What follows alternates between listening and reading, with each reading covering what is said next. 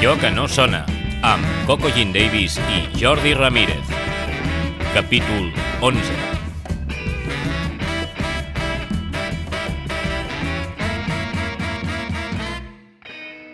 Hello, salutacions a tots i a totes. Us donem la benvinguda a Allò que no sona, un podcast dedicat a la indústria musical catalana i les persones que en formen part.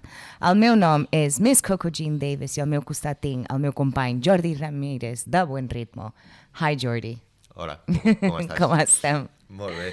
A veure, què ens, porta, a qui ens portes avui? Avui, eh, bueno, ha vingut sola, no, no, no, la, no la porto. Sí, però el, el programa, el programa... però, però fa molta il·lusió que hagi vingut. Eh, hem hagut de perseguir una mica, això sí, ha costat una mica, però avui està amb nosaltres l'Anna Romeu, eh, ara mateix és la directora, i m'agrada dir-ho així, fort, directora. I tant eh, que igual sí. no li dona tant bon rotllo, però és la directora de Primavera Labels, eh, és el segell del Primavera Sound i l'apartament de booking d'artistes crec que nacionals només porteu vosaltres, no? Eh, però que a més a més té una llarga trajectòria en el món de la indústria a Catalunya, eh, tant en la promoció com en la producció, com en el booking, en diferents empreses. Així que, hola Anna, benvinguda. Hola, merci per convidar-me. No, gràcies a tu per, per venir. Uh, si et sembla bé, com que bueno, ens has passat un currículum, però no sé si ens el saltem ja una mica així Sí. tal qual, i comencem per el que crec que probablement per més gent et conegui, que és per tots els anys que has passat a, a Becore, Sí. al segell Becore, on vas estar, no sé si només com a responsable de premsa o al final ja una mica feies una mica de, De de, tot. de, de tot, que és, el que, que és la idea que jo, que jo tinc. I comences a treballar el 2005 i t'hi estàs gairebé eh, 10 anys. Com, com comences a, a, a Becore? Com explica la història de, de, de com És arribes allí? d'on vens amb tot plegat, eh? Començo per culpa dels Nova Volcano, és així. Jo conec l'Albert Guàrdia Està bé que no sigui gràcies a, sinó per culpa per de... culpa de... Sempre, sempre. és veritat. La cosa és que jo me'n vaig anar d'Erasmus, jo, jo estudiava Història de l'Art i me'n vaig anar d'Erasmus i quan vaig tornar, en, en allà vaig conèixer el Raül, que feia un programa de ràdio a Ràdio Castellà. Llavors em va dir, va, vine a la ràdio, no sé què i tal. I vaig dir, vale. I un dels que feia el programa de ràdio amb ell era l'Albert. Llavors, clar, jo començo, en allà començo a descobrir grups de Becore, jo, o sigui, no tenia ni idea d'aquesta escena, jo venia d'una altra moguda i no... Llavors, en allà, doncs, començo a sentir parlar doncs, de DeLorean, de Nova Volcano, de Standstill... I, bueno, llavors un dia em truquen, així, per, bueno, el Joan, de fet, i em diu ei, que el Jordi Becore està buscant algú per, per promo, vés-hi. I clar, jo els vaig dir, home, jo no he fet promo en ma vida. Sí que és cert que durant aquella època jo havia començat a fer pràctiques en un festival perquè vaig, fer, vaig començar a estudiar gestió cultural i, i jo anava a fer patrimoni perquè venia d'on venia, però la meva tutora em va dir, vés prova de fer indústries perquè realment d'art no parles i parles només de música, amb la qual crec que estaria bé que ho Mira. provessis. Mm. I llavors vaig començar a fer pràctiques al LEM. Llavors, clar, jo me'n vaig anar allà, en plan, jo no sé, de, de, no sé res, o sigui, i no, no, me'n recordo que vaig anar amb el currículum a veure el Becore. De fet, ens vam veure la primera vegada al Frankfurt de l'Apolo.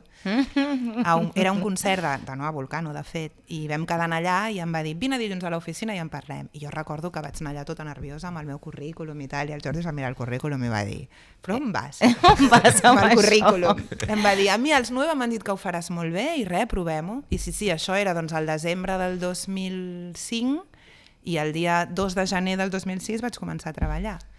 I, i clar, va ser molt divertit perquè és que m'ho havia d'explicar tot perquè jo no, o sigui, clar, jo no sabia, Tot no coneixia la, món, prem, a, la, a la premsa musical, no coneixia ningú i era com, bueno, pues vinga, ens hi tirem i ens hi tirem. I me'n recordo que a més la primera promo que em va tocar fer va ser d'un DVD. O sigui que us ho podeu imaginar. Era un DVD que era un recopilatori de videoclips que es deia Fruits of the Season, encara me'n recordo. Uau. I, i clar, començar fent promo eh, a un segell com Becore i a sobre de videoclips, pues, ho podeu imaginar. I després, acte seguit, em va tocar fer la promo de... Crec, vaig agafar eh, el, el relleu de la Gemma Lloret, que a més em va passar una cosa molt curiosa, que és que la Gemma Lloret i jo vam compartir, érem companyes de feina a les dues feines, de casualitat. Les dues treballàvem al LEM als matins i a les tardes a Becore. I vaig agafar el seu relleu de la, de la promo del disc d'un disc de Gas Drummers que es deia Standards Down i va ser la primera promo que vaig fer. I llavors, ja a continuació, vaig fer el Juego Entrópico dels Nueva. No, el Juego Entrópico, sí, el Juego Entrópico. que eren els que t'havien portat allí. Eh? Exacte. Per això havies de- I tot això sense conèixer el Jordi De res. de res i sense conèixer Becore de res. De res. Cap artista, cap No, no, referència no, no. més. Els únics que coneixia eren els Nueva i, de fet, de casualitat havia conegut uns dies abans els Madi perquè amb la gent de l'EM estaven muntant una cosa eh, que eren bolos a restaurants i vam anar a parar a Can Rin. I just, de fet, el dia que em van trucar el Joan Guàrdia perquè anés a parlar amb el Jordi, jo estava sentada a la taula amb el Pep de Madi i amb el seu germà. Però vull dir, no coneixia ningú d'aquesta gent, ja et dic. De fet, em va passar una cosa molt divertida, mm. Que va ser, jo vaig fer una festa a casa dels meus pares un estiu, allò típic que se'n van els teus pares i ve gent. Ahà. I el Raül em va aparèixer amb uns amics, em va dir, vinc amb uns col·legues. I es va aparèixer, em va aparèixer a casa amb unes 20 persones No! i jo no coneixia ningú. I després, al cap d'uns mesos, vaig recuperar aquelles fotos d'aquella festa i hi havia doncs, l'Albert, el Joan Guàrdia, la- els Nova Volcano, la Civil Bain... I clar, vull dir, ja et dic, jo no coneixia ningú de res. O sigui, em va venir tot com... Els havies tingut a casa I els havia no tingut ho a casa i no ho sabia. Sí, sí, Això sí. ya es como aquestas historias de Hollywood, ¿no? De, de, de la gente ahí que se conoce en esas fiestas y luego... Sí, I, i a veure, fer premsa en aquells temps, comunicació, bueno, fa, fa, mm, fa bastant de temps, no tant, No, però sí, ha però canviat molt. ha canviat Clar, molt. jo pensa que jo recordo Que- que, que, les, primeres, les primeres promos de Becore, Sí. sí. el del digital, era una cosa que... Llavors, bàsicament, era fer molts sobres, Mhm. enviar molts CDs i trucar. De fet, el Jordi Sobres, Meia l'havia trucat moltes trucades. vegades. Trucades, trucades, trucades. Sí. Mare meva. En aquell temps ja estava la Ineida Fever també fent el Sí. mateix? sí o sí que passa que jo amb la Eneida no ens coneixíem. Amb la que Ahà. parlava molt era, curiosament, amb la Natàlia Brovedani, que ara és la cap de premsa del segell, de Val. Primavera, que ella estava a l'out. Llavors Mm. ens feien moltes trucades de oye, tengo que llamar a este. ¿Este qué tal? Pues bueno, este no es muy simpático. Clar, al final també eren molt joves, jo tenia en aquella època, pues, no sé, igual 23 anys, Uau. no coneixies a ningú i et feia un respecte brutal, perquè clar, Mm. tu estaves trucant a periodistes que Mhm. Ostres, que eren periodistes. Llavors era, Sí, bueno, sí. era un exercici de, venga, vamos a llamar. I era molt difícil que els... M'imagino que tindries periodistes més accessibles i menys. El, amb un segell amb, com Becore, amb el seu catàleg, diguéssim que tampoc era un catàleg ha tingut els seus moments, diguéssim, de Sí. mm, més accés a públic i, i menys, Menys. però no ha sigut mai un catàleg mainstream, diguéssim. L'accés als mitjans generalistes devia ser molt difícil, sobretot per algú que no té cap bagatge, és a dir, el que deies tu, no, sense conèixer Clar. ningú, com, com, o és més, o precisament per això, eh, igual quan entres la primera vegada et reben amb, amb menys desconfiança. La veritat és que em, em, per lo general em rebien bastant bé. També jo era superprudent i m'apuntava molt allò de no llamar hasta la setmana que viene. Saps, em prenia, em prenia moltes notes per no ser molt pesada. Mm -hmm. Sí que és cert que mirat en perspectiva sempre he pensat que Becore tenia molt bona reputació en quant a segell. Mm -hmm. Llavors, bueno, era, un- era, és un, era un segell petit, però sí que és cert que mai havia mai m'havia sentit com que estava picant a portes que no em fessin molt de cas. Clar. Vull dir, sempre una resposta tenia, fos millor o pitjor, però sempre em solien respondre. Mm. -hmm. Home, estem parlant de mitjans, em refereixo a diaris, clar, no, en la vida vaig parlar amb los 40, per dir-ho d'alguna mm -hmm. manera. Vull dir, però a premsa generalista, sí, déu nhi o sigui, tot el que eren les redaccions de cultura dels diaris em responien. Poder és un segell que tenia, com, com a avantatge, en moment, tenia un respecte que no tothom tenia Exacte. a nivell de- d'independents. Ben, ben guanyat, eh? O sigui, Totalment. Però la cosa aquesta que, que tots els altres ens pot fer enveja, llavors, i ara de que mm, si estava bé Core, hi havia Exacte. com un segell de Era garantia. com de, que hi havia la garantia menys de que almenys menys ens ens, escoltarem. ens ho mirarem i ens ho escoltarem, no? Exacte. Havia- Jo això, jo crec que sí. Sí, sí. Aquesta és l'enveja que tots els Que altres tot... li- Bueno, però és que s'ho ha guanyat no? a pols. Sí, sí, molt ben, molt ben guanyada, dir, i tant. És, és així. Sí, I sí. Uau. I clar, en aquests temps es va produir la gran erupció de l'internet, Sí. que ja és un altre nivell que va afectar tant les discogràfiques com els mitjans. Eh, com vas viure aquest període de canvi, no? A veure, la veritat és que el Jordi sempre ha sigut bastant avançat en aquest aspecte i bueno, ell va dir, doncs, bueno, bé, això doncs ens hem d'adaptar. I recordo que, per exemple, una de les primeres coses que vam fer va ser posar codis de descàrrega amb els vinils, que va ser un dels primers que ho va fer. Mm. I, I recordo que tot era super rudimentari. Recordo que ens vam inventar un Word que a més es deia Master of Puppets, Que que era, guai. era un Word que feia combinatòria. Llavors, l'informàtic ens generava uns codis i amb el Word fèiem allà unes etiquetes que posàvem, imprimíem i posàvem els vinils, retallàvem i, ale, i, i allò era un codi de descàrrega de... Clar, era una liada. De fet, una vegada el vaig liar bastant gorda perquè vaig, vaig intercanviar els codis i vaig enviar, bueno, el Jordi Pobre va enviar a fabricar unes etiquetes amb unes descàrregues d'un altre vinil, vull dir, vaig intercanviar-ho i vaig ser, vaig ser jo. Vull dir, clar, era, el que tenia, era molt rudimentari, però, però sí, sí. I Ja. llavors, enviaments, doncs clar, de cop i volta podíem enviar links d'escolta en comptes d'enviar tants CDs, i bueno. Però va ser una cosa... Ho recordes com un canvi positiu o com una cosa que va complicar les coses? O, perquè, a, a més d'afectar els segells, també va afectar els mitjans. És a dir, Sí. a, a la llarga a, a, hi, ha hagut, hi ha acabat havent menys mitjans, eh, tot, tot ha acabat... Poder allò que semblava en un principi una cosa que havia de facilitar les coses, a, a aquestes alçades ja no les ha facilitat tant i les, les fa una mica més complicades. Hi ha més accés a tot, però Bueno, destac, eh, destacar o trobar el mitjà que et faci cas poder és més difícil ara, no? Sí, la veritat és que sí. Ja- Bueno, és que ha això no canviat d'ara, tot eh? moltíssim, i ha canviat tot... O sigui, realment, el que, per mi al principi va ser com una molt bona solució, perquè clar, per mi representava no haver d'enviar 200 CDs i poder enviar 200 links.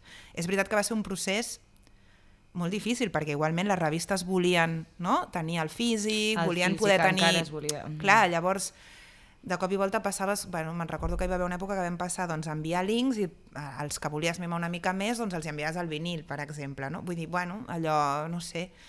Però sí que és cert que, clar, la llarga ha canviat tant que, que, bueno, és que clar, els paradigmes de tot han canviat, però de la mateixa manera que els accessos als mitjans... És molt difícil tenir més... O sigui, és com que s'ha obert tot molt més, és tot molt més assequible, per dir-ho d'una manera, no? o accessible, però per altra banda també és el que dius, costa molt més filtrar i costa molt més eh, enfocar cap a on, o sigui, com destaques, no? o quins mitjans Com selecciones destaques, clar. però al mateix al revés, abans no t'arribaven tampoc tantes propostes, tants artistes, és que clar, realment ara, Mm -hmm. no? vull dir, s'ha obert tot tant que realment és molt difícil bueno, pensar una... ara mateix, clar, o sigui, els paradigmes de com es pensava una campanya de sortida d'un disc a com es planteja ara, no té res a veure. Res a veure.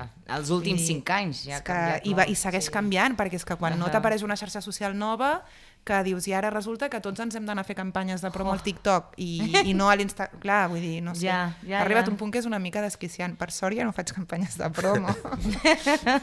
TikTok, em so- sona Clar. directament, amb, ja m'encenc de més de... Sí, de- sí, Ah, però és de- així. Clar, ara et diuen, no, l'últim és TikTok, i has d'estar a TikTok. I dius, sí, ja, però és que jo de... Vull dir, no ho sé. Si ens posem nosaltres a fer un TikTok, què vols que et digui igual? Pues igual es torna viral, però no per res bo, diria. Exacte, exactament. per no que per cap cosa bona. Eh, es- estaves ja a Becore, vas estar a Becore durant molts anys, però mentre estaves a Becore, eh, entre, ja mm, en aquests primers anys, també estaves treballant, crec, a l'equip de producció del LEM Festival. Sí. Eh, crec que això forma, com, és com una constant, no? Durant tot el temps a Becore, eh, o, mm, sempre ho has combinat amb altres feines. Sí. Com, com t'ho feies? És que estaves a jornada partida, Sí. ets una superdona, eh, com, com, com ho feies? Per... A veure, jo tinc un gran problema que pots, no sé si és una gran virtut o un gran defecte, que és que no sé dir mai que no. Llavors, no, és veritat que a Becore al final, clar, tampoc hi havia com tanta feina com per fer una jornada completa. Llavors ho anava combinant. Vaig començar al LEM i paral·lelament a Becore, però el que sí que tenia clar és que jo Becore no ho volia deixar mai. Vull dir, llavors al principi ho tenien allà com una feina de mitja jornada, llavors feia els matins doncs, això, no? hi va haver una temporada que feia l'EM, després una altra temporada que als matins feia Vesc i a les tardes Becore, fins que va arribar un punt que amb el Jordi vam parlar i em va dir per això que demanaves abans, no? Jo al principi entrava per fer comunicació, però clar, al final, amb un segell tan petit, amb tan poca gent, tu et vas No adaptant a donava, les necessitats. sí. Llavors va arribar un punt, doncs, jo què sé, vaig començar a fer subvencions, eh, vaig començar a fer temes de digital, vull dir, bueno, vaig començar a fer moltes coses que no... I, I al final va arribar un punt que sí que vaig estar a jornada completa a Becore uns quants anys. Mm -hmm. Perquè el, el festival que, fe, que hi feies exactament? El LEM, és que allà vaig començar... Realment no tenia una posició gaire definida, eh? perquè primer vaig començar com a becària i en teoria era com a assistent de direcció artística, llavors ells tancaven els bolos i jo m'encarregava una mica doncs, d'enviar el contracte, de fer el seguiment d'algunes... Perquè el LEM feien produccions com específiques pel festival, no? Doncs jo què sé, hi va haver un any, per exemple, que, que hi havia el refri amb la banda municipal de Barcelona fent, doncs, eh, recuperant unes partitures de, ara no recordo qui era. Uh -huh. Doncs igual doncs, fer el seguiment de tot això, feia una mica... Bueno, llavors després vaig començar a portar tota la part de subvencions i pressupostos i després feia coses de producció també, vull dir que era una mica... Sempre he sigut una mica de a lo que me lleven, no? Una mica, no sé. Subvencions i pressupostos, a veure, sí. tela, no? O És com? que m'agraden molt els números. Llavors, Ah, vale. bueno, com no se'm donen malament, és lo típic que no és que ho vulgui fer, però m'acaba tocant allò de refiló una Vale, mica. Sí, vale, vale. Sí, sí. Bueno, eh, a veure, 2000, estem al 2008 i entre el 2008 i 2011 uh, que entres ja a l'empresa Vesc, Sí. no? Fent de producció de concerts i de gires. I ahir descobreixes que t'agrada més, com acabes de dir tu, la producció que la promoció. sí. Eh, i, hi ha algun moment que tu tens mm, bastant clar, és evolutiu En realitat no és que o... m'agradi més, és que m'agraden les dues coses. El que passa que m'agrada molt, a mi m'agrada molt estar al terreno de Vale. juego i m'encanta estar amb una, o sigui, fent producció, sóc molt de treballar sota pressió, m'agrada la jarana. Mhm, Llavors, clar, tot el que sigui, doncs anar de gira, estar de bolo, vull dir, em va més que estar a una oficina tancada, és així. Absolutament. Llavors, bueno, però és veritat que la comunicació també m'agradava molt, eh? vull dir, no... I com, I com compagines això amb lo de ser mare, per exemple? Perquè, òbviament, és diferent per un home que una dona, no? Bueno, bé, la veritat Sí? és que prou bé Es- perquè es pot. tinc la, tinc la sort que a casa, per sort, el meu home té una feina que és completament oposada. Llavors són horaris molt tancats i ell no viatja mai, llavors això doncs, també m'ha permès... No m'he hagut de preocupar mai de, ostres, me'n vaig de gira i no, ningú es pot quedar no? amb, amb la nena. No, vull dir, al final és... és ell té la feina doncs, de dilluns a divendres, amb horari, per- per exacte, i jo tinc la feina de... Llavors, doncs, mai m'he hagut de plantejar realment, ostres, l'únic moment que va ser un dilema va ser quan mm -hmm. me'n vaig anar de primera, la primera gira que vaig fer llarga a Llatinoamèrica, que la nena tenia doncs, un any i quatre mesos i jo encara li donava el pit. Mm -hmm. I clar, llavors allò sí que... O, o recordo això, no? Doncs períodes que encara estava lactant, eh, anar-me'n a l'Eurosonic. Uau. Quatre dies, i clar, passar les canutes. Però Ja. bueno, és el que hi ha. Bueno, parlant de que et- ets una de las, bueno, yo creo, bueno, pioneras o jefas de, del- que, que, que ayudó a mantener esta industria de la música haciendo en los trabajos que has hecho, uh, has fet, eh, aquest tema de ser dona dintre uh, aquests, aquest àmbit, no? Eh, estan els festivals o està l'organització preparada per les dones? O sigui, es, se, eh, estan... No. o Jo crec sigui, que he tingut, en el meu cas he tingut molta sort. O sigui, en, tota, en totes les empreses en les que he estat i sempre no se m'ha tractat pitjor, ni, o sigui, no, no m'he sentit eh, en una posició menys privilegiada o, o desfavori, des, desfavorable no? per ser dona. La veritat és que, de fet, jo sempre ho explico, quan vaig començar a treballar a primavera, bueno, quan em van venir a buscar, jo estava embarassada de 8 mesos i tot i així em van voler contractar. Mira, I els hi vaig dir, ei, hola, jo vull esperar, vull ser mare, vull fer la baixa de maternitat i, i ja està.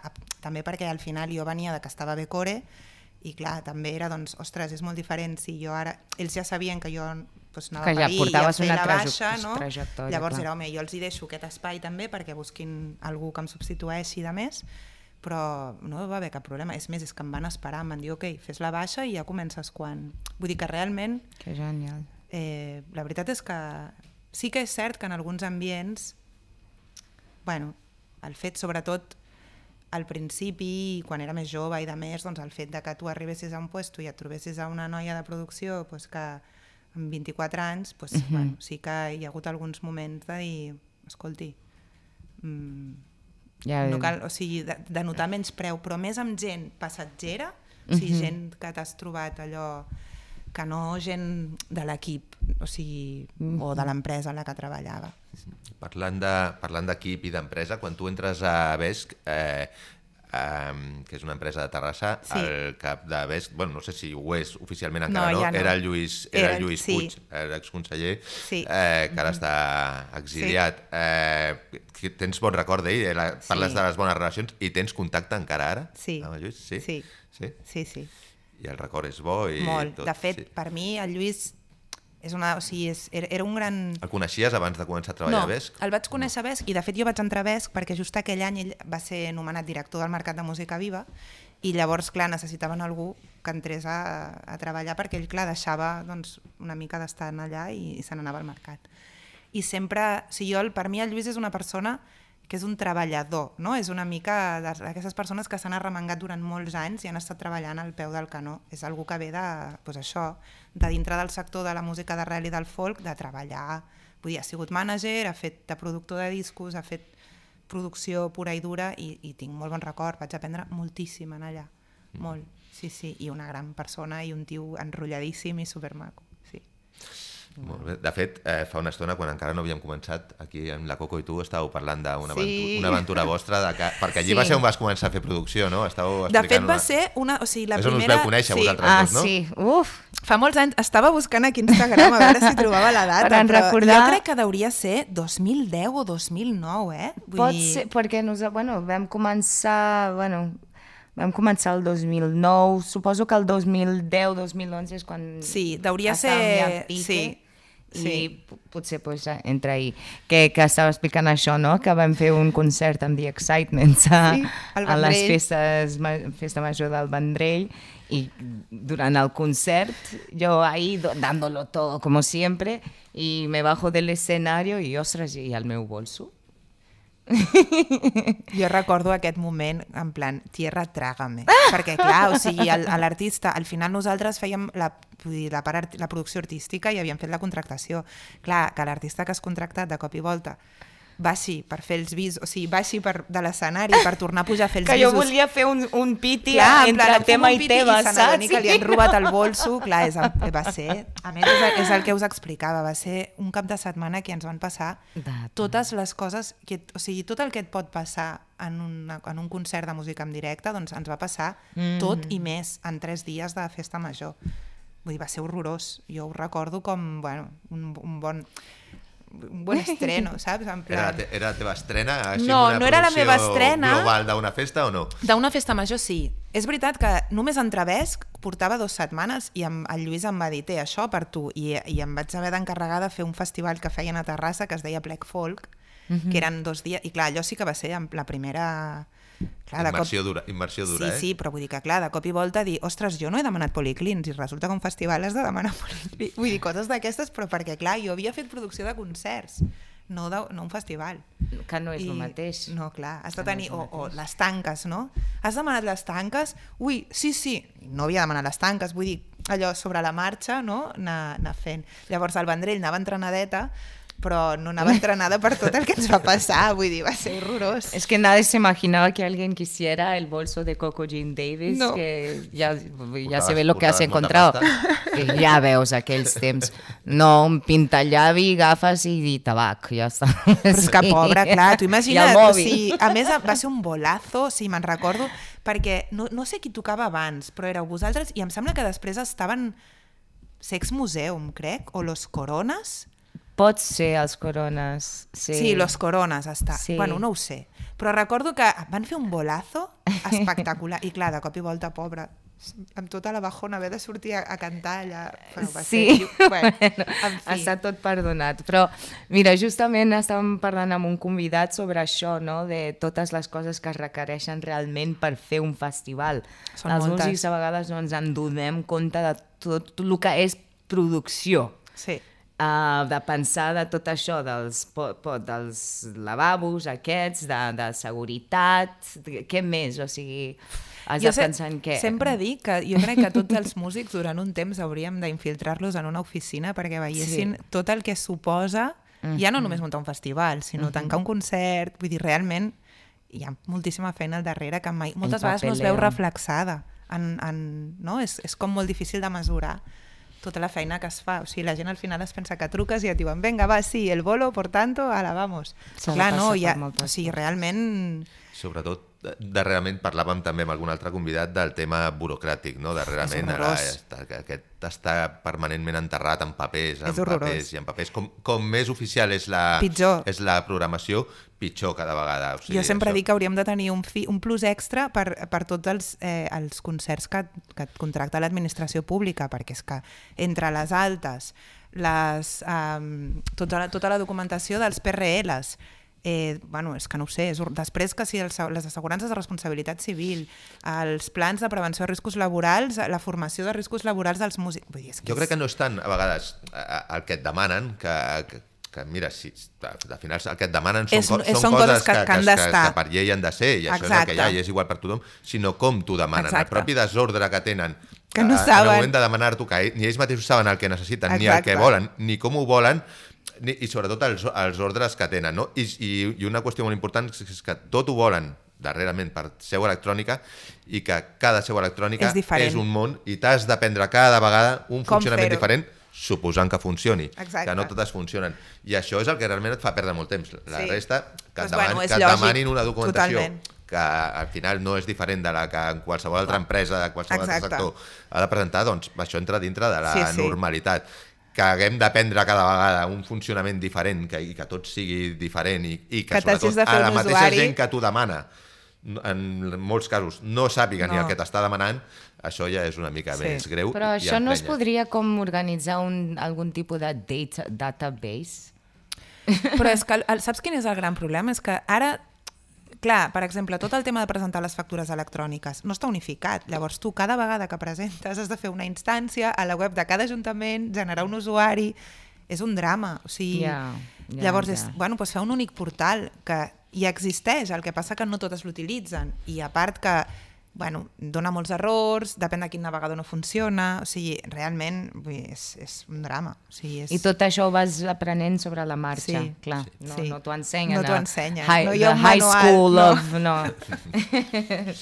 Um, de, de fet, ara que es parlaves tot això de la producció, eh, explicaves tota l'aventura aquesta del Vendrell, la dels lavabos al festival de folk a Terrassa, etc. Jo penso, jo penso, a més a més de tot això, eh, que com devia ser el teu cap en aquell moment de sortir, de parlar de Becore, de, de presentar-li un disc a un periodista del Del periòdico Rippers. o de TV3, és igual, i sortir d'allí i estar pensant en els policlins de Terrassa o en a quina hora arribarà l'equip de so, no? En, en quin moment, o sigui, com devia anar el teu cap en, en aquells moments i, i com tu feies anar? O, o no sé si al mateix temps estaves fent coses del LEM Festival o, o més coses No, no, no. El LEM, eh, o sigui, el que vaig, diguem que per una banda el LEM i el Becore van conviure i després ves qui Becore. A veure, era molt divertit perquè, a més, parlava amb molta gent des de les dues feines i no eren conscients que era la mateixa persona.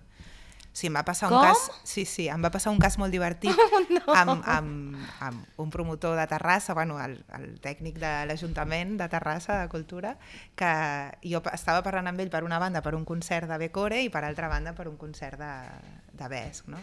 I de volta el tio, clar, em truca un dia i em diu, escolta un moment, tu ets la mateixa Anna? De... I, jo, I clar, jo li anava parlant des dels dos correus, amb, aquest tio sap qui sóc, ens Ostres! portem molt bé, hi ha molt bon rotllo. I tu pensaves que... I clar, el tio, fins que se'n va adonar que hi havia una Anna a Terrassa, que era de Terrassa, que treballava a Vesc i que només estava als matins i que després l'altra Anna només estava a les tardes, va fer el clic i va veure que era la mateixa persona, però m'havia passat bueno, bastantes vegades. No? Jo, no, si ja ens coneixem, com que ens coneixem?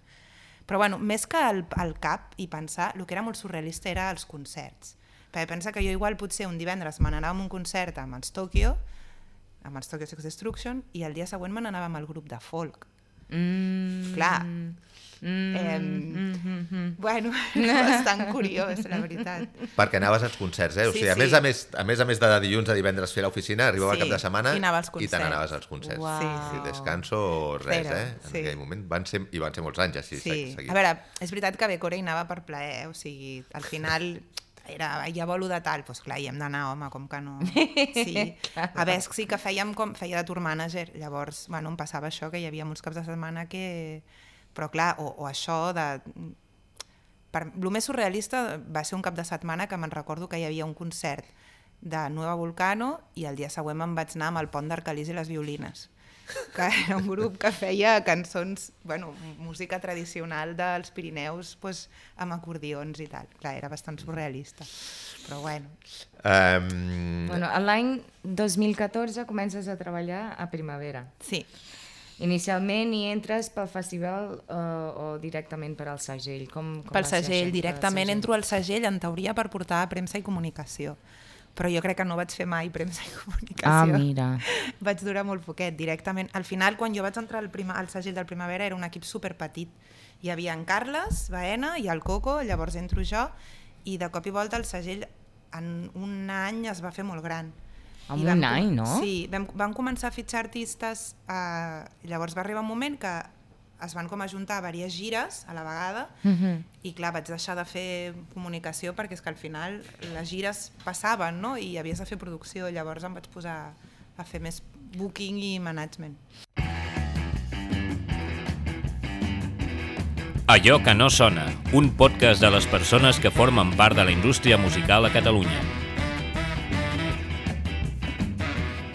De cop i volta et poses a fer booking també al Primavera, o sigui, Sí. Eh, entres això per fer comunicació i et trobes venent directament. Sí. Ja ho havies fet abans a- en No. algun dels jocs o mai, mai, mai. ho De havies fet, fet? quan vaig entrar al segell, el primer que li vaig dir al Carles va ser posa'm a fer el que vulguis menys vendre, no vull vendre. I va ser el primer que et va posar a fer. Mare meva. Bueno, No aquestes, el primer, aquestes, però- coses, aquestes coses poden passar amb Sí, el sí, Carles. clar, exacte. I de vendre, què voleu dir? Vendre, Vendre, bo, buscar bolos, Buscar buscar, clar, buscar bolos. concerts. Sí que és cert que no va ser d'entrada, o sigui, el primer que vaig haver de... Primer, és que realment, ja, és que ni és, com, és molt fora, ja ni me'n recordo, però sí que feia promo i llavors feia moltes coses de, de seguiment de les edicions i, i bueno, una mica doncs, de contractació i això. Però producció primer i ja després automàticament booking. De fet, el primer booking que vaig haver de fer va ser de la Cristina Rosenbinge per, per conseqüència. Vaig començar a fer la producció, me'n vaig començar a anar a girar amb ella i al final doncs, vaig acabar venent els bolos. I de la Núria Greia. Però realment, Mhm. d'entrada, clar, jo no volia. Mhm. De fet, el, tu, entra, tu entres a treballar al segell de primavera, però en aquell moment el segell de primavera era una cosa com una mica estranya, és a dir, tothom... Sí. Sí. Ara fa anys, Ara Ara, sí, fa, fa però 8 en anys que està moment- establert, però en aquell moment Primavera era un festival de música Clar. i el fet que tingués un segell era, Era com una, una cosa cosa, molt estranya. molt estranya, molt extra, i que no sé si tothom eh, ho associava com una cosa bona o dolenta o, o si és algú que està, a sobre està posant el peu en, saps? Eh, volen acaparar encara més del que tenien. Quina era la sensació en aquell moment, no? De, de, de, això no, o fins i tot dintre de l'empresa, si era una mica com una cosa a part o, o si l'empresa des del primer moment eh, us hi veu sentir realment com a part A de tot plegat, perquè sembla, sembla realment, o semblava que estigués molt diferenciat el que era el festival i el que era el segell. Al principi ho estava. Mhm. Uh -huh. Sí, de fet, vull dir, hi havia, no estàvem ni a la mateixa oficina al principi, no per res, eh, però sinó perquè no hi cabíem i al final, vull dir, els apartaments que eren com més que podien funcionar per lliure érem nosaltres i el Pro, no? Però sí que és cert que no ha anat... Vull dir, al final el segell és el segell, òbviament és el segell d'un festival, amb la qual el que s'intenta és que la línia editorial del segell tingui a veure amb la línia editorial del festival, però sí que és cert que a nivell de funcionament funcionem completament. Sí, jo em sento completament part de l'empresa, Ahà. òbviament, però sí que al nivell del dia a dia no... Vull dir que jo no... Jo el dia a dia del primavera del festival el sé poc. Vull dir, jo feia moltes vegades broma que deies que jo m'entero del cartell el dia que surt anunciat i, i ha sigut així moltes vegades. Uau. Vull dir, perquè realment bueno, al final nosaltres tenim el nostre dia a dia i, i, el, i el festival té el seu dia a dia, no? I, i la, bueno, funcionem per Però, separat. però vas tenir, veu tenir aquesta sensació en algun moment de com que des de fora, des d'altres segells, ja que és aquesta Jo sensació recordo- d'intrusisme, de cop i volta. De... Totalment, totalment. Mm -hmm. Clar, ara perquè és que vull dir, al final molts festivals tenen segells, la cosa s'ha diversificat molt, però clar, jo recordo al principi inclús abans d'anar al segell, no? de sentir el típic comentari, hosti, aquests del primavera, ara foten a fer un segell, ja, joder, el que faltava, no? Perdó pels tacos. Sí, sí. Però, però és així, vull dir, i sí, però és veritat, a veure, per mi al final era com una cosa molt natural, no? aprofitar les sinergies d'un festival que pot fer que projectes d'aquí, pues, perquè primer la idea del segell era molt d'internacionalitzar projectes d'aquí.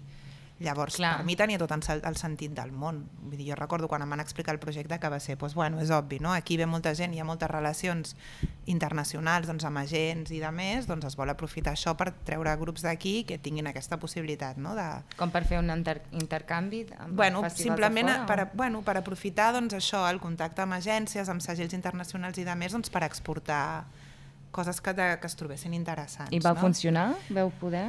A veure, la veritat és que hi va haver uns quants projectes que, que sí, sí, sí, vull dir, jo què sé, doncs no sé, Joana Serrat mm, es va fer molta feina fora, amb la Núria Graham es va fer molta feina fora, Sí.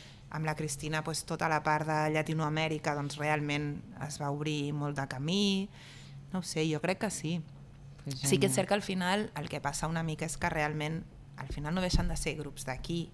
Llavors, eh, el que és lògic és treballar primer el mercat d'aquí perquè és, és el mercat natural, no? Vull dir, al final, si treballes amb grups nacionals, el mercat natural és, el, és, és aquest i no el de fora. Bueno, Excep alguna excepte- excepció, per exemple, al teu cas. bueno, en, en cas, és veritat que va Però- ser un cas bastant particular i especial i que mm, sí, però bueno, que yo, yo, yo, yo, yo, yo, yo, yo apuesto por, la, Clar. por, por esa... Clar, jo, per exemple, en el cas de la Núria Graham, sí que tinc molt clar que és un projecte que la vista d'estar posada podria, a nivell sí. internacional. Sí, sí, perquè sí. al final, vull dir...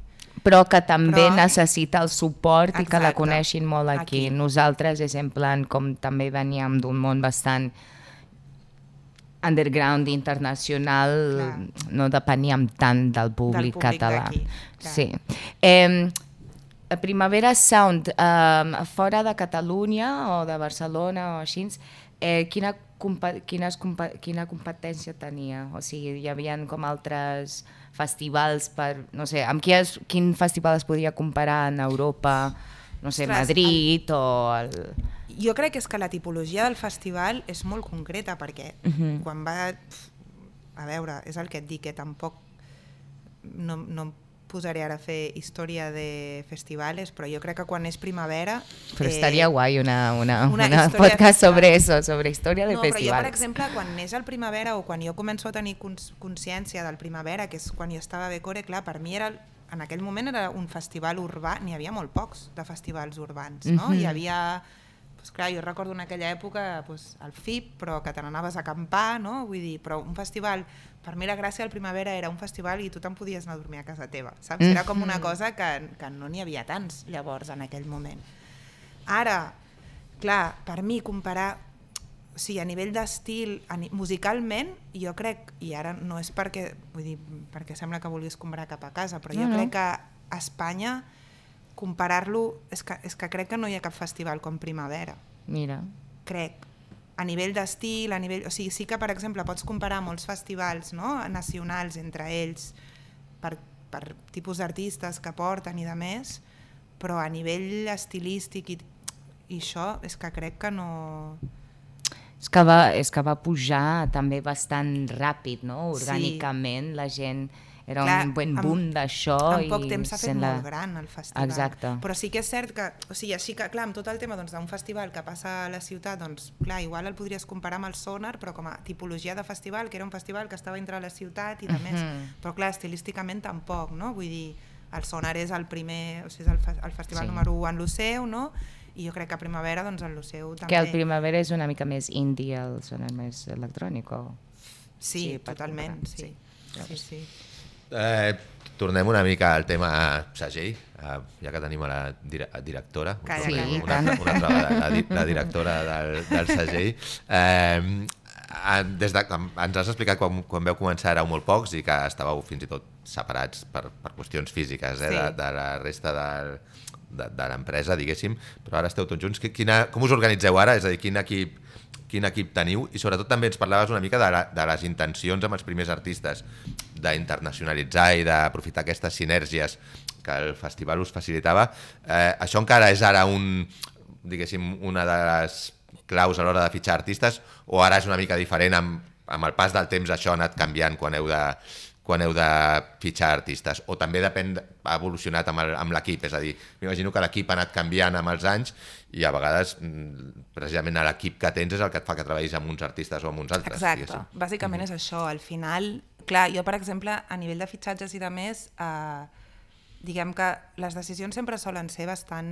Vull dir, òbviament es parla amb el festival perquè, òbviament, doncs, eh, ha de tenir una coherència, però sí que és cert que moltes vegades anem una mica per lliure i, i depèn molt de, d'això, de l'equip, no? doncs de propostes que t'arriben doncs, perquè algú de l'equip, doncs, per exemple, és, abans ho deia el Quique, que és una persona que té les orelles molt obertes, no? doncs eh, t'arriba i et diu, ostres, escolta't això, què us sembla?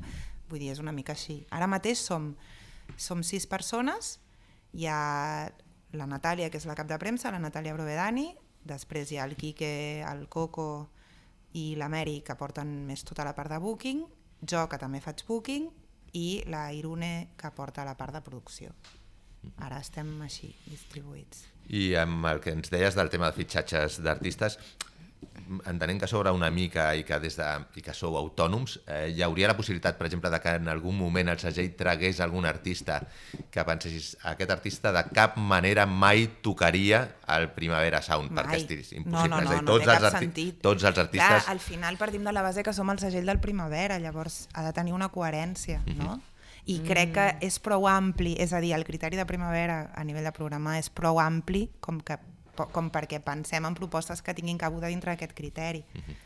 I ara posat al, al revés una mica amb el que et preguntava abans, eh, sent una mica quisquillós, de, de, de, i que ja m'has contestat, eh, que al principi hi havia aquesta certa sensació d'intrusisme, fins i tot abans de que, de que tu formessis part ja ho havies escoltat. Sí.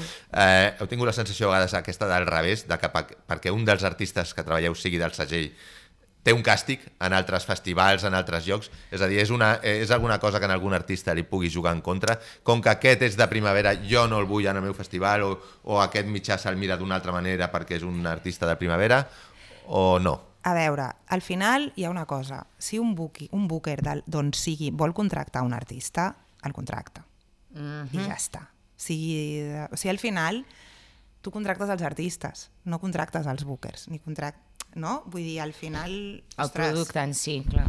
Clar, vull dir, no? No sé. Si, No, no ho sé, jo, jo t'ho pregunto, pregunto si, ¿Cómo o si algun, o, o si algun eh? artista s'ho s'ho pensa, no, no ho sé. Com apreta. No, no, no, no, és per apretar, però és, és una cosa que, que Al la moment penso. de negociar, per exemple, o que accepti o no un Tots tenim artista, les si això ho té de tenir... preferències o manies a vegades o amb, o amb qui treballes més a gust o menys i està clar que això que dius eh, que de- si t'interessa un artista el contractaràs però, però poder tens vegades que penses hòstia, aquest artista ens està cost podent, o a l'artista que tingui aquesta sensació a vegades, encara Clar. que no sigui real, no? de, de dir, eh, si em caso amb el Primavera, eh, d'això tindré un, més problemes per altres. O sigui, mm, segur que, que, com deies tu, estar a Primavera et suma moltes coses. En, en aquest, o sigui, te- tens accés a, a, Home, a i coses tant. i, a llocs que a buen ritmo no tindràs. Ja, ja ho dic ara, aquí en veu alta no les, no les tindràs. Eh, Segur Anna, suma. parlem tu i jo, eh, després d'això. Exacte.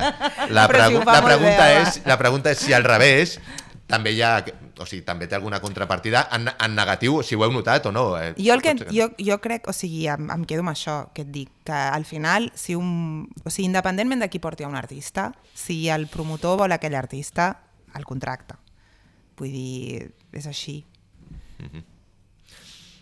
Uh, tot i que no sigui di- directament la teva àrea, ja que et tenim aquí, uh, t'hem de preguntar com heu viscut dins aquests dos anys de pandèmia uh, sense poder fer el festival. A nivell de recursos, us ha afectat també el segell, uh, la pandèmia? A veure, és que jo crec que al final la pandèmia ha afectat a tothom, no? I bàsicament jo el que, o sigui, el que et puc dir és que a nivell de d'empresa s'ha fet un esforç perquè la plantilla seguís treballant i, i ja està. Vull dir, per sort, el bo que té Primavera doncs és que pues, bueno, és, és una empresa gran i ha pogut suportar això. Vull dir, ja està. És que tampoc no sé molt els... Però com a, com a Sí. segell, jo posant-me una mica a remolc d'això, com a segell ho hem notat moltes diferències. Dic perquè eh, com vosaltres us dediqueu al booking també de, dels artistes com, i, al, i a l'edició discogràfica, una mica com és el cas de Buen Ritmo, a un altre, a un altre nivell, el nostre molt més petit, però jo, per exemple, l'experiència personal que tinc eh, meva és que en el moment en què no vam poder fer bolos, el que vam haver de fer, crec que Editar a Buen Ritmo i a. Molló, no, no tant editar saco com, com dedicar el temps a altres coses, Altres, no? i sí. espavilar-te, no? Va haver, va, va haver un moment en de dir, doncs anem a fer altres coses, no? És a dir, jo em plantejaria més la pregunta en aquest aspecte, no? Vale. Què, què veu fer en aquell moment, més enllà de, del tracte que tinguéssiu a l'empresa o de que hi hagi empreses que ho poguessin suportar millor o pitjor, que entenc que una empresa gran com és el cas, doncs té Clar. una mica més de múscul que, del que tinguem els, els de més mortals, no? Però, però, Com? la, però la situació al final dels que esteu allí és la mateixa, no? És a Sí. dir, vale, ara, ara què a dir, fem, ara, no? o I, sigui, i què, no, què feu no hi ha vosaltres? bolos, què fem? Sí, és a dir, jo Vam a- podria explicar el que,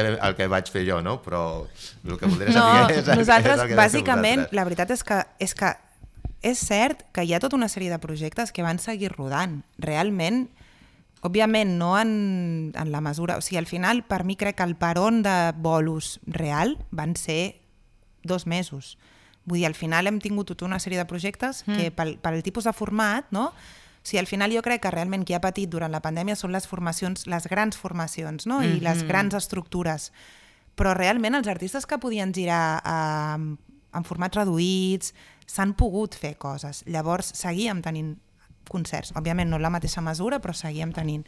I després vam començar a editar, doncs, vam, bàsicament no vam canviar cap pla d'edició perquè hagués vingut una pandèmia, vam tirar endavant les sortides de discos que havien de venir i llavors vam editar doncs, algunes coses, tipus doncs, fer un recopilatori de, doncs, eh, bueno, de, de o, en cançons o en comptes de treure tot un disc, pues, singles... anar traient singles, sí, però ja et dic, sí, sí que és veritat que els plans d'edició no els vam canviar. Vam Ok. fer, doncs això, vam editar tota una sèrie de singles que es deia Coreomania, perquè, bueno, era... La coreomania era una pandèmia que hi va haver fa molts segles, el que coneixem com a enfermedad de San Vito, no? que, que a més ens feia gràcia, la, bueno, va ser un, una moguda que es va inventar el Carles, que té aquestes idees així, de vegades loques i genials, i era una mica com una pandèmia que el que precisament el que feia era que la gent es movia, tenia espasmes com si ballés, no? Llavors vam dir, doncs anem a titular-ho així perquè estem en una pandèmia i el que més volem és que la gent segueixi ballant, no? Mm. Llavors vam editar com una mena de cinc, bueno, eren tot, eh, ho vam fer com un recopilatori, anàvem editant cada setmana un single d'algun artista del segell, doncs coses que estiguessin a la recàmera o que fossin uh, pues això, demos que no haguessin sortit. Per exemple, en el cas del Miqui Puig vam, vam editar una, una versió d'una cançó d'Antònia Font, en el cas de la Núria Graia vam editar una demo que tenia d'una cançó pues, que havia de sortir a la primera maqueta i que finalment no, no havia editat mai, i la vam recuperar, bueno, vam anar una mica així, fent aquest tipus de coses. Però és veritat que a nivell de plans, de llançaments i de més, vam continuar, vam seguir editant els discos. Us podeu subscriure al podcast de Lloc que no sona a la plataforma on ens escolteu habitualment, Spotify, Apple, iVox i també a la nostra web buenritmo.es.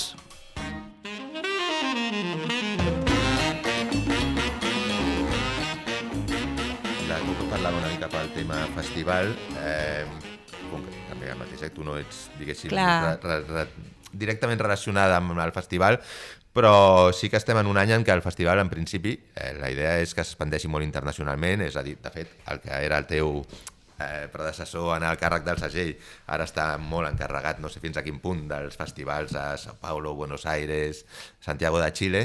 Eh, i tu ens parlaves abans una mica de, del que l'objectiu inicial del segell era aprofitar aquestes possibilitats d'internacionalització que, que dona Primavera. Eh, en aquests moments, de, cara a vosaltres, al segell, a l'activitat discogràfica, eh, ho, ho relacioneu? És a dir, hi ha un plan també per cada artista amb això? Neu de la mà, diguéssim, en aquest aspecte també? Clar, al final- O, no? o, o què esteu planejant, eh? Per... clar, al final, o sigui, tu utilitzes els recursos no, que tens més a mà. Llavors, és lògic que si doncs, nosaltres, per una banda, estem treballant doncs, amb una gira a Llatinoamèrica doncs, per un grup i precisament tens partners en allà, doncs clar, al final, bàsicament, diguem que treballem per separat, però sí que en el moment en què nosaltres, o sigui, funcionem una mica, en el moment en què necessitem recursos o ajuda d'algun dels departaments, doncs anem allà i demanem ajuda, no? Vull dir, en, en aquest aspecte. És, bueno, és, ostres, mira, vosaltres que treballeu amb aquesta gent, doncs, què us sembla si hi ha aquest, aquest artista que l'estem desenvolupant? Clar, Però ja ho, ja ho havíeu fet molt, vosaltres, de fet. Molts, Sí. molts dels vostres artistes ja havien Sí. passat abans d'això, ja, ja havien passat per... Mhm, sí. Sobretot per Sud-amèrica Sí, I, i Centroamèrica, no? O sigui, és una mica, va, va com una mica, el que deies tu, com a part del, del Sí, segell, no? sí. Eh, això implica molts viatges per part vostra, molt, Molts. m- co- Uau. o sigui, una cert. oficina relativament tan petita, m'imagino que en el moment en què us heu de començar a moure, en què Sí. això es comença a fer gran, eh, organitzar-vos no ha de ser gens fàcil, no? No, de fet ens ha passat, sobretot, per exemple, jo recordo la primera gira que vaig fer a Llatinoamèrica, que va ser precisament eh, quan acabava d'entrar, feia relativament poc, perquè jo vaig començar, que, bueno, sí, feia potser un any així que ja estava al segell. Clar, ens van coincidir dos grans gires a Llatinoamèrica a la vegada. Llavors, el Carles Uau. va haver de fer una gira i jo vaig haver de fer una altra. I Uau. clar, en aquell moment era bastant... Clar, havíem de fer jornades llarguíssimes perquè al final el dia a dia del segell seguia, no? I, i clar, érem, en aquell moment érem tres persones, llavors la persona que hi havia aquí a l'oficina doncs anava fent, però clar, nosaltres al final teníem altres feines i clar, jo recordo doncs, això de d'estar mm, de gira però a la vegada estar una mica en horari bueno, doncs Ja, fent ja. El, el, que, el que podies no? per poder estar Amb qui has estat por ahí de, de gira a Latinoamèrica, tu? amb Sí. la Cristina Rosenbinge sobretot, sí Sobretot, però no bueno, a Llatinoamèrica en realitat només amb ella només amb ella. sí. I eh, en, aquests, en aquests països, o a Llatinoamèrica en general, abans mm. ens deies que aquí, pel fet de ser dona en general, no has tingut problemes, allí tampoc, o la, o la, cosa, és, o la cosa és diferent? A veure, allà passava una cosa bastant curiosa, però era, Cuenta, cuenta. era o sigui, no era malintencionada, val? Clar, bàsicament arribàvem tota l'expedició, quan marxàvem a fora, l'expedició que anàvem érem bàsicament el grup, el tècnic de so i jo. Llavors, clar, sempre arribàvem i els tècnics de la sala o els promotors no, perquè ja prèviament tenien contacte amb mi, llavors Clar. sabien que la interlocució la feien amb mi. Però sí que et trobaves que arribaves a la sala i clar, automàticament els tècnics a qui es dirigien era el tècnic de so. Llavors, si jo preguntava o ells havien de fer alguna pregunta, se n'anaven al tècnic de so. Mm -hmm. El tècnic de so, doncs, que més clar, és un home, té 10 anys més que jo, llavors, pues bueno, no? I, i ell, i, i clar, sempre el, Dani eh, sempre deia, ostres, eh, no, és que has d'anar a parlar amb ella perquè ella és la que mana. Mhm, I, I això sempre era com, com, seguro? Ah, I llavors, doncs, la típica de, Uau. no sé, doncs de jo, jo quan vaig de gira doncs m'agrada aprendre coses i m'agrada muntar backline i m'agrada, doncs no sé, una de les coses que sempre faig quan vaig de gira amb la Cristina és, clar, els teclats de backline no porten els sons que fem servir nosaltres. Llavors em dedico pues, a volcar tots els sons a l'ordinador. Doncs pues, la típica de, uy, seguro que sabes tocar esto, eh, uy, no, no toques esto, ya lo hago yo, no? Vull dir, Uau. coses d'aquest tipus que, bueno, pues sí, ahí están, ¿no? O la frase aquesta de no, habla con ella, que ella es quien decide, Sí. no, habla con ella y sempre com, ah, ella seguro sí, o sí, sí. ¿dónde está el jefe? Soy yo. Exacte. Sí. Un poco Mm. eh, això sí, però bueno, eh, al final no saps fins a quin punt és intencionat o simplement és que segueix sobtant perquè tampoc no hi ha tantes dones que es dediquin a això, etc. Allà etc. I a fora, com ens veuen així la indústria musical catalana o els artistes catalans? Uf, és molt difícil. Crec que no hi ha, no ho sé, eh, ara aquí igual me meto en un jardín, però no crec que hi hagi una imatge unitària de... o somos és que és- españoles, ya por decir, o com o veuen en plan, no, no, és que estos són primavera Sí, per exemple, de- si tu te'n vas, realment, jo crec que sí que hi ha una visió molt diferenciada de la indústria, el que és Madrid, el que és Barcelona, Ok, vale? i tot el que passa a Madrid i el que passa a Barcelona. Ok. Més enllà, clar, depèn d'on te'n vagis i depèn de quin coneixement de la indústria tinguin. Clar, si te'n vas, per exemple, a l'Eurosonic, òbviament tenen molt diferenciada la indústria i coneixen però clar, igual si et plantes, a, te'n vas al South by Southwest i et poses a parlar amb un promotor d'Estats Units que, doncs bueno, Mhm. indústria catalana, això què és, no? Vull dir, no sé. Bueno, però el que exportem val la pena ja o... o... Home, jo crec que sí. Jo és en plan, que realment... òbviament que sí, però ells donen, en plan, host, hi ha continuïtat, eh, Clar, el, el continuïtat en problema és aquesta que tu com a... relació. Clar, al final, nosaltres com a managers o com a representants, jo vaig a vendre el meu artista. Llavors, el feedback que tinc és del meu artista, independentment de si és d'aquí, d'allà, no? Llavors és molt difícil realment valorar com a com a escena, no? Perquè en realitat tu vas a vendre el teu, no vas a vendre l'escena. Llavors, Però tu formes part de les dues coses, Clar. de l'artista i de l'escena. Que no? passa que per mi és difícil de, de dir-te, o sigui, com a escena, clar, jo crec que, jo crec que es fa molt bona feina d'exportació, uh -huh. sobretot des de les institucions crec que s'està fent una molt bona feina i que realment s'ha intentat doncs, presentar lo, lo diversa que és l'escena catalana, que ho és molt, no? I no Mhm. prioritzar, o sigui, mm, no ho sé, crec que des de ja fa molt de temps doncs, que hi ha molts grups que tenen molta presència a nivell internacional, que s'intenta buscar el seu espai, que intenten diversificar bastant no? quin tipus de grup, en quin idioma parlen, vull dir que crec que realment s'està fent una molt bona feina. Però no tinc... Clar, la visió aquesta de com es veu l'escena des de fora, la veritat és que no sé. No Bueno, es podria veure una mica si hi ha, dema- si hi ha demanda, continuïtat, ¿no? En plan, esta es una relación que seguirá porque está funcionando o es una Clar. cosa de eh, ahora está de moda y ya está. Al final, amb els no? artistes amb els que realment hem, hem establert vincles a nivell de relacions internacionals, sempre o sigui, són relacions a llarg termini. A llarg, vale, sí. De fet, Perfecte. eh, jo crec que això és algo del que tu i jo havíem parlat eh, anys enrere. Eh, ara que deies el del tema del South by Southwest Sí. i de més, eh, la meva pregunta Quin seria si South ara que hi vas com a com a Primavera Label, si va, no, crec que hi has anat, eh, crec que has Sí. dit que, que hi has estat, eh, la, les portes s'obren més fàcil o, o és tot més fàcil un cop, un cop estàs allí que si anaves amb algun altre artista que no estigués relacionat amb Primavera o d'altra manera. És a dir, la meva experiència allí, probablement per falta de coneixement, per falta de preparació, és que eh, no vam fer nosaltres bé les coses, però que allò és, és un és un mercat molt, És molt gran, gran. en el que és molt difícil destacar, sobretot si és petit, per més preparat que vagis.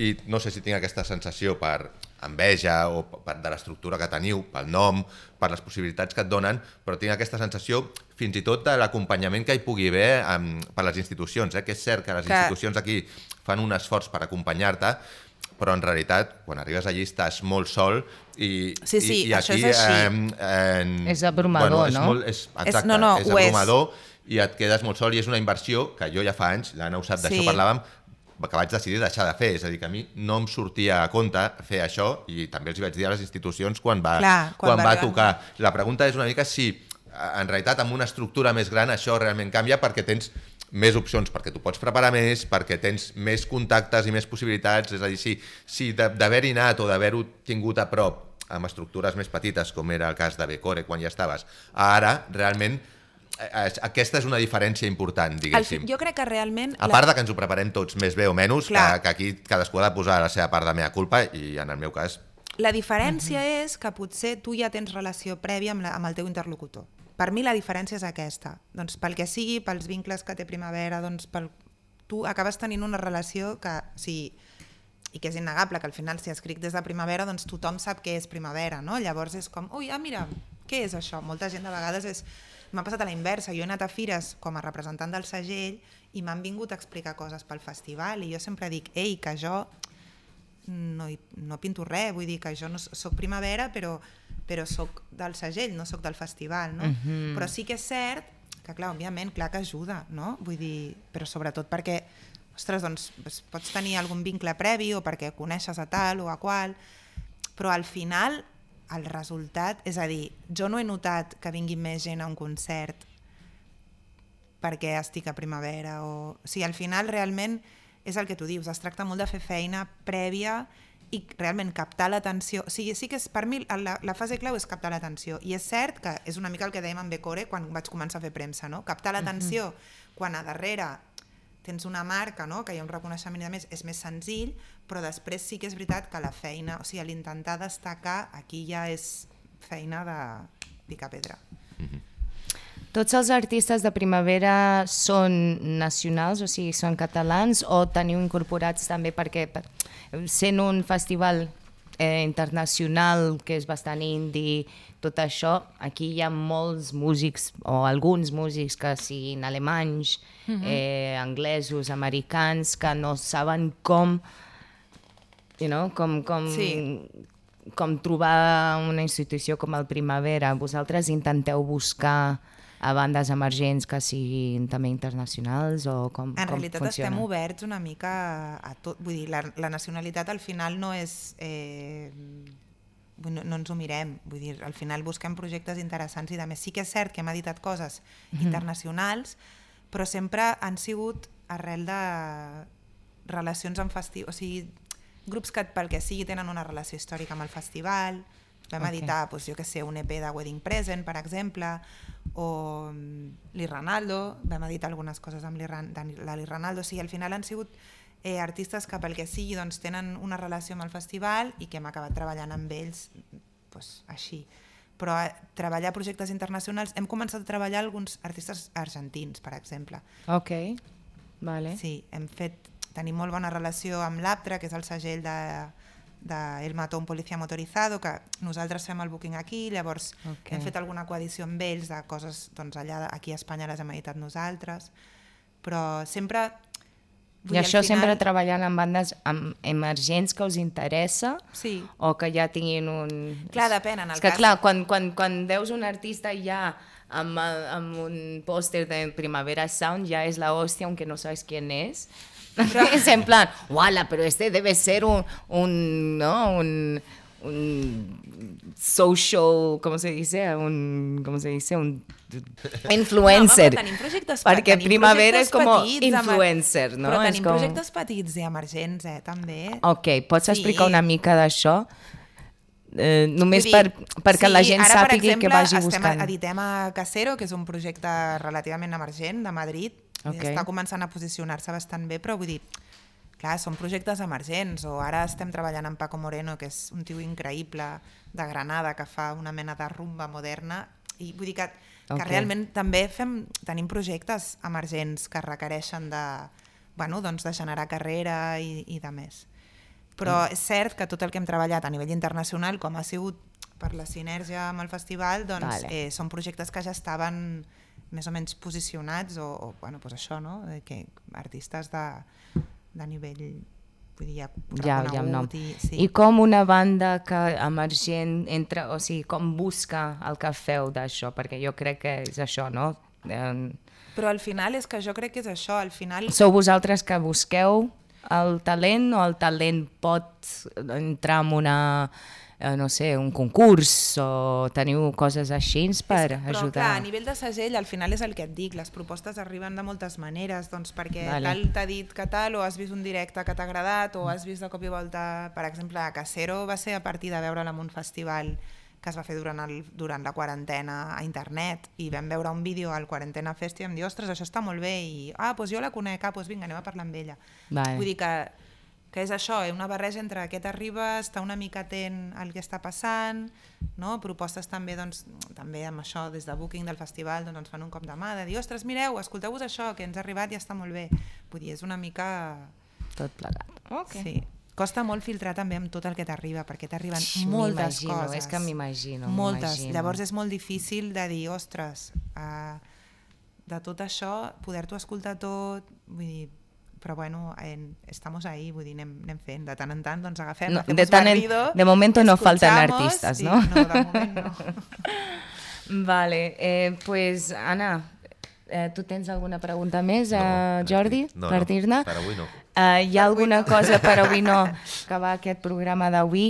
Hi ha algú que voldries compartir d'algú que us fa molta il·lusió del festival? Eh, teniu algun algú per ara al futur, de cara a la tardor? Bueno, la tardor, el que...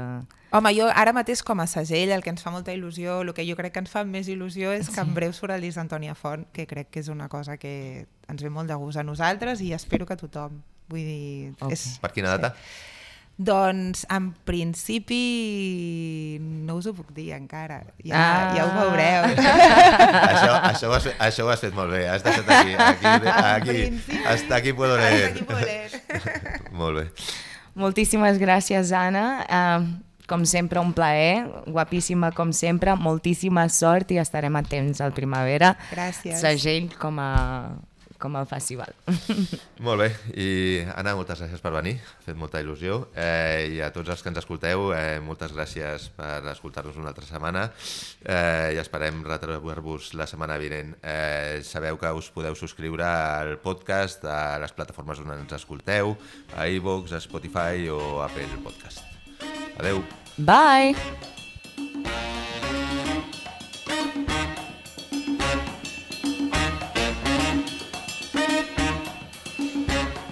Un podcast realitzat amb el suport de l'Institut Català de les Empreses Culturals.